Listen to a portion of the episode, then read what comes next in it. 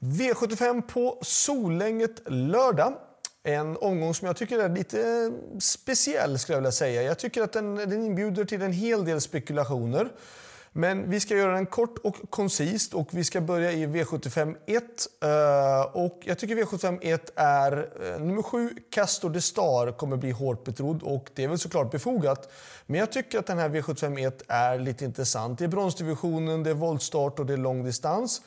Eh, jag tycker att det är intressant med nummer 1, Maybach VF. 5 eh, Melby Joker, självklart 7 Castor de Star, men även nummer 9 Hefner Am som är markerad barfota runt om tycker jag är superintressant eh, spelobjekt.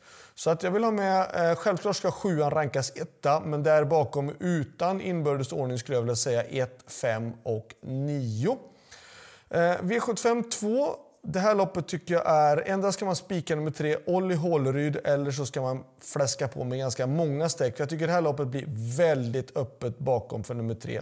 Visserligen kan jag tycka att eh, Olli Håleryd Eh, hon har varit jätte, jättebra.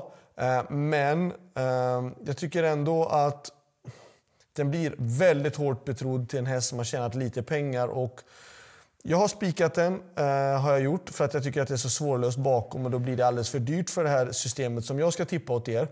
Eh, men ändra så spik eller så täcka på med väldigt många streck tycker jag i avdelning 2. Avdelning 3 har ju blivit lite annorlunda. Nummer 1, Diamanten från mitt stall. Tyvärr startar inte. Han fick ont i ett ben och då vill vi inte chansa någonting. Även om han hade ett smaskigt läge och tränat bra. Uh, och perfekta förutsättningar för att kunna leda det här loppet runt om så fick han tyvärr bli hemma.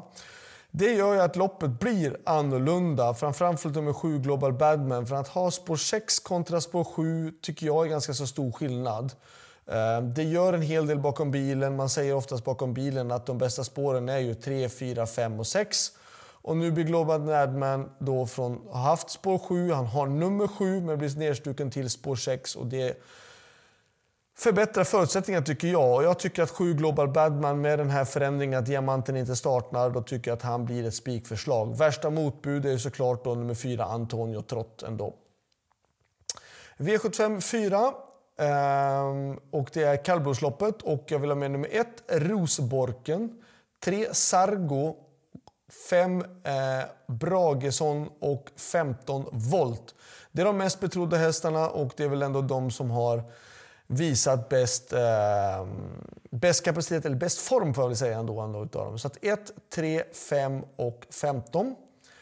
V75 5 eh, är ett lite grann öppet lopp. Man kan spika nummer 8 Midjat Sass som jag vann med senast, som jag tyckte kändes jättebra. Eh, Midjat Sass är en superkapabel häst. Visserligen har han dragit spår 8, men långa distansen tror jag inte är en nackdel, utan att det är en fördel. Um, och han är en solklar första häst. Men det finns ett par hästar som har visat bra form emot. Ett, King Kennedy. Två, Le Capitano Miraz som är en häst som har jättefin fart i sig. Det är en liten häst, men han har väldigt bra fart i sig om han fungerar. Uh, fyra, Drill och fem, Knutte Sting. Uh, Åttan är solklar första häst och där bakom då 1, 2, 4 och 5.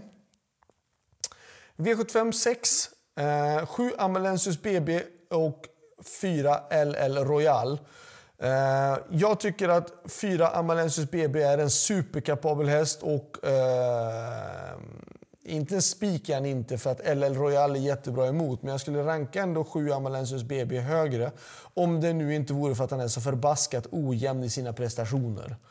Um, men får han till det så är han ju svårslagen. Men det är såklart att 4 LL Royal har gått från Eh, klarhet till klarhet eh, under det här året och varit jättebra här nu det sista. Så att, eh, det är klart att LR Royal blir svår att eh, plocka ner. Men Amalensis BB är tillräckligt bra för att göra det.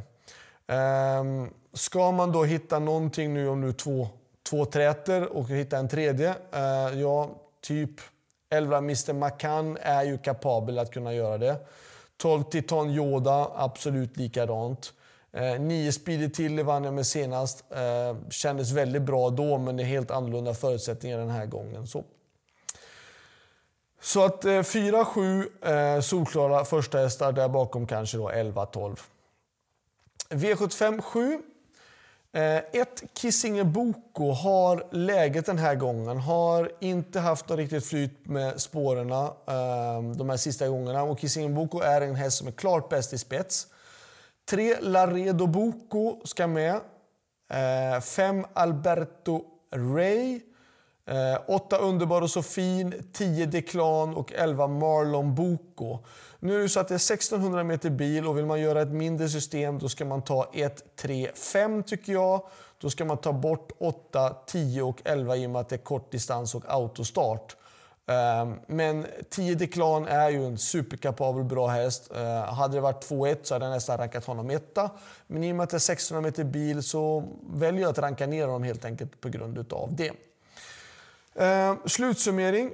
Bästa spiken? Ja, jag tror ju väldigt mycket på att i avdelning 3 då, nummer eh, 7 Global Badman. Sen tycker jag inte bästa spiken är avdelning 2, nummer 3 Olli Hålrud, för att jag tycker den blir så sjukt hårt streckad att om den förlorar så kommer väldigt många streck att försvinna och den blir, känns ju lite överstreckad till 64 procent med tanke på att eh, det är ganska så låg klass ändå, allting kan hända och det är ston och det är voltstart. Så det var allt. Lycka till så hörs vi igen nästa vecka. Då är det V75 på Jägersro. Glöm inte bort det. Ha det bra. Hej då!